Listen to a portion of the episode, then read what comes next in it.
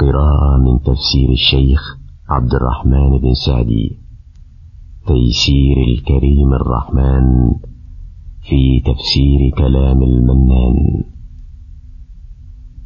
تقديم الشيخ محمد العرفج.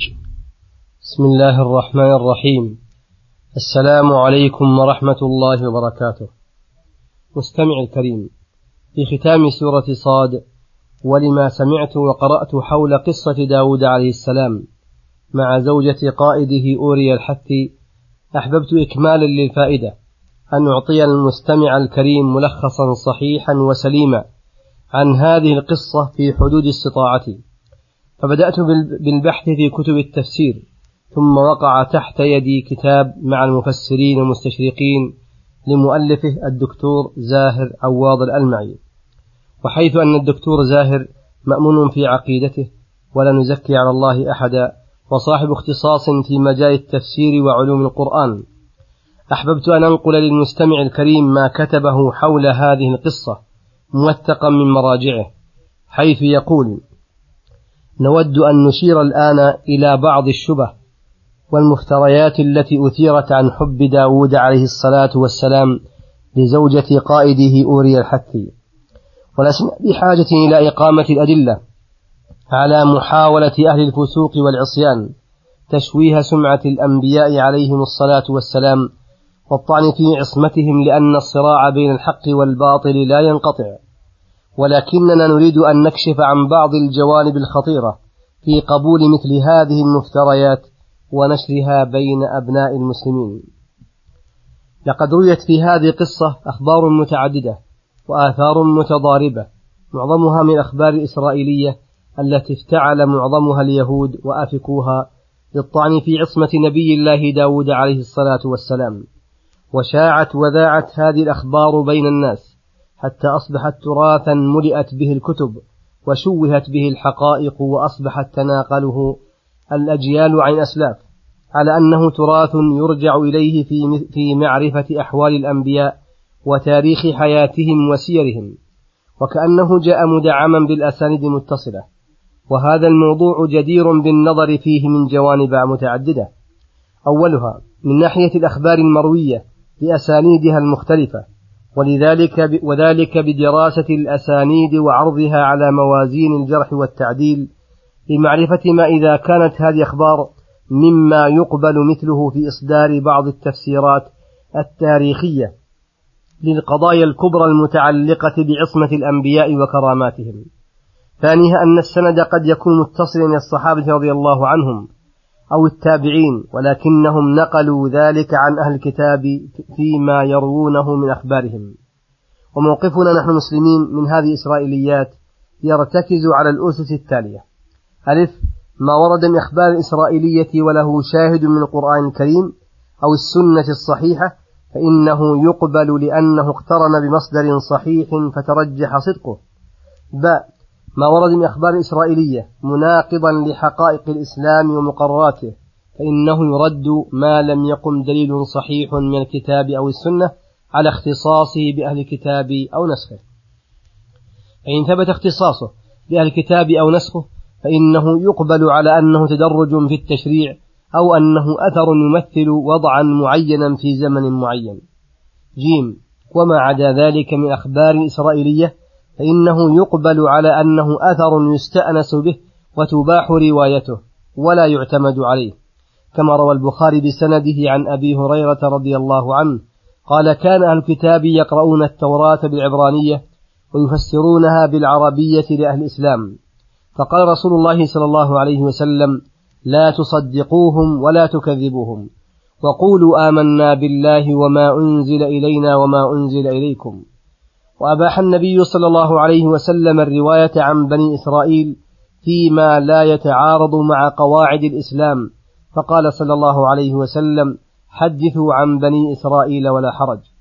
بيد أن هناك أخبارا مروية عن بني إسرائيل وهي لا تطاق مرفوضة سندا ومتنا لأننا نجزم بعدم صحتها وإن وردت في الكتب المقدسة عندهم وأذكر على سبيل المثال ما نحن بصدده من قصة داود عليه السلام مع زوجه أوري الحثي فقد ورد في كتاب مقدس المجلد الأول سفر الملوك الثاني الفصل الحادي عشر الإصحاح. ما نصه؟ وأما داود فبقي في أورشليم وكان عند المساء أن داود قام عن سريره وتمشى على سطح بيت الملك فرأى امرأة تستحم وكانت المرأة جميلة جدا فأرسل داود وسأل عن المرأة فقيل له هذه بتشابع بنت أليعام امرأة أوري الحثي فأرسل داود رسلا وأخذوها فأرسل داود رسلا وأخذها فدخلت عليه فدخل بها وتطهرت من نجاستها فرجعت إلى بيتها وحملت المرأة. فأرسلت وأخبرت داود وقالت إنني حامل. وتمضي القصة قائلة فلما كان الصباح كتب داود إلى يؤاب كتابا وأرسله بيد أوريا. وكتب في الكتاب قائلا وجه أوريا إلى حيث يكون القتال شديدا. وارجعوا من ورائه. فيضرب ويموت. وسمعت امرأة أوريا أن زوجها قد مات. فناحت على بعلها ولما تمت أيام مناحتها أرسل داود وضمها إلى بيته. فكانت زوجة له وولدت له ابنا وساء ما صنعه داود في عيني الرب.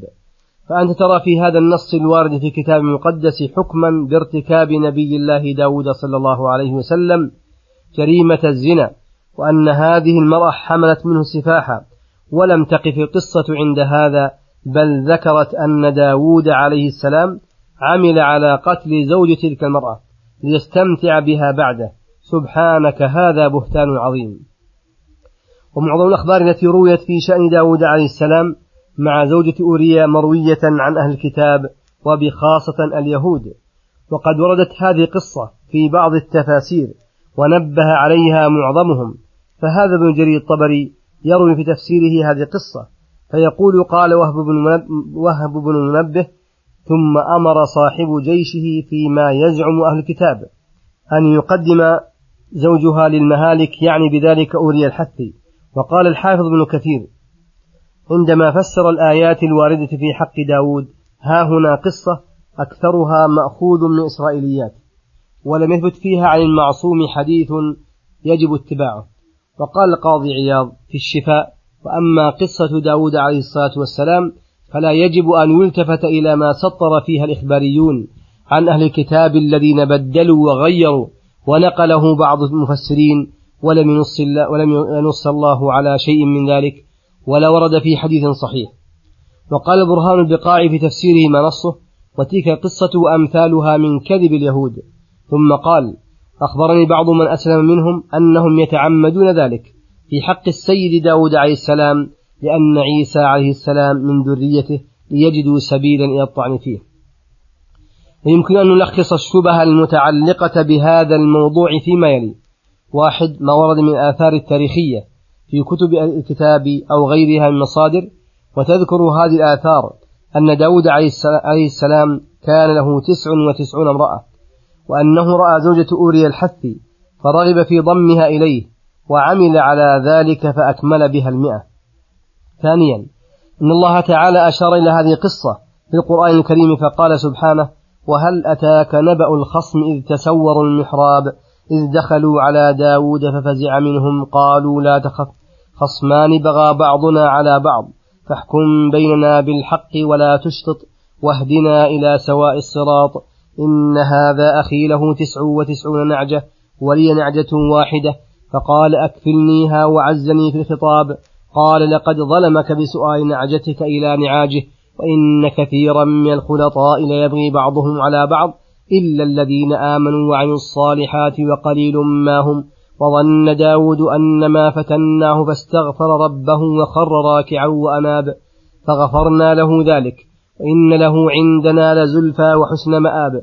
يا داود إنا جعلناك خليفة في الأرض فاحكم بين الناس بالحق ولا تتبع الهوى فيضلك عن سبيل الله إن الذين يضلون عن سبيل الله.